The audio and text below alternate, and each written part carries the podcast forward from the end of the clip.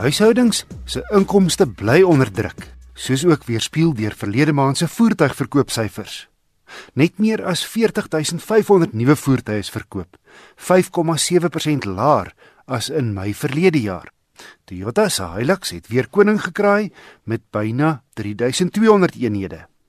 Die Volkswagen Polo Vivo was tweede, met die Ford Ranger derde, vierde die Volkswagen Polo, gevolg deur die Nissan NP200, die Toyota Fortuner en die Isuzu D-Max. Soos die KB reeks deesdae bekend staan. Die topvervaardigers van 1 tot 10 lees so: Toyota, Volkswagen, Nissan, Ford, Hyundai, sesde Renault, gevolg deur Isuzu, Mercedes-Benz, BMW en Kia.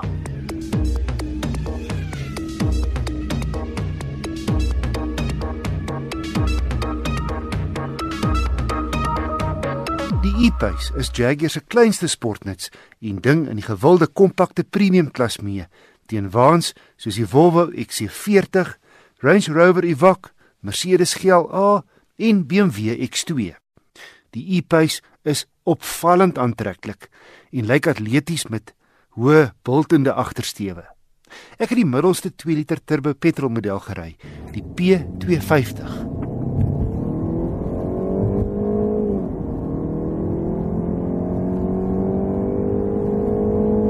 Die P staan vir petrol.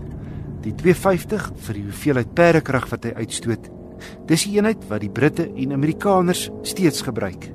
In ons taal 183 kW en 365 Nm gekoppel aan 'n 9-spoed outokas.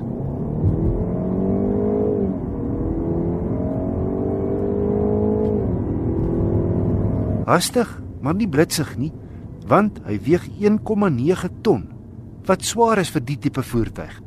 sien die e-Pace gebruik nog Jaguar, Land Rover en Range Rover se ouer platform wat staal insluit.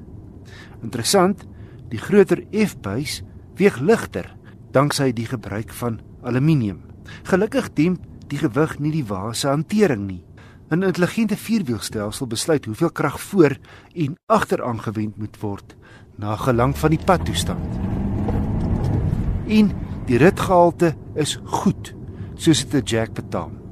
Ondanks groot 20 duim wiele met 'n 45 profiel. Ek het op my gekombineerde stad ooppadroete 9,2 liter per 100 km gemeet.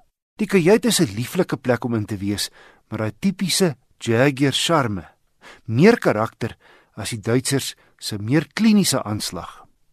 My toetskar kom met die baie luukse HSE afwerking wat insluit 'n volledige 25 cm inligting en vermaak raakskerm wat ook met die stem beheer kan word.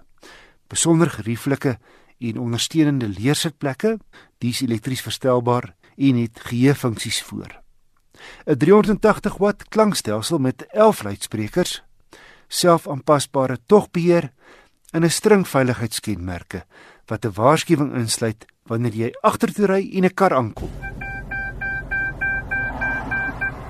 Hy het selfs 'n lugsak wat voor onder die enjinkap aktiveer sou jy 'n voetganger tref. Ruimte vir die passasiers en agter in die bagasiebak is heel billik vir die kat wat 4,4 meter lank is, terwyl 'n elektriese agterdeur laaiery vergemaklik. Sy grondvryhoogte is 'n billike 204 mm en elektronika help jou met greep wanneer nodig in die veld. Hierdie HSE P250 model is duur teen R839500. Maar hy's baie elegant en stylvol en standaard toegerus met kenmerke wat dikwels duur opsies by mededingers is.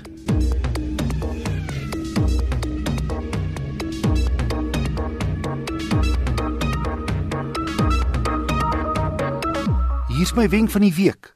Oppas vir koeksnyers. Dis nou daai bestuurders wat regs draai en die draai te skerp vat. En dan moet jy wat by 'n stopstraat of verkeerslig aankom, rem om 'n botsing te voorkom. Dit gebeur dikwels wanneer iemand wat regs draai vinnig so moet maak om voor aankomende verkeer weg te kom. Ander kere is dit bloot lui, slordige of selfsugtige optrede wanneer daar geen druk op 'n bestuurder is om kortpad te vat nie. So wees versigtig vir koeksnyers en let daarop dat jy self nie een is nie, want kortpad vat op hierdie manier is nie net irriterend en onbedagsaam nie, maar ook gevaarlik.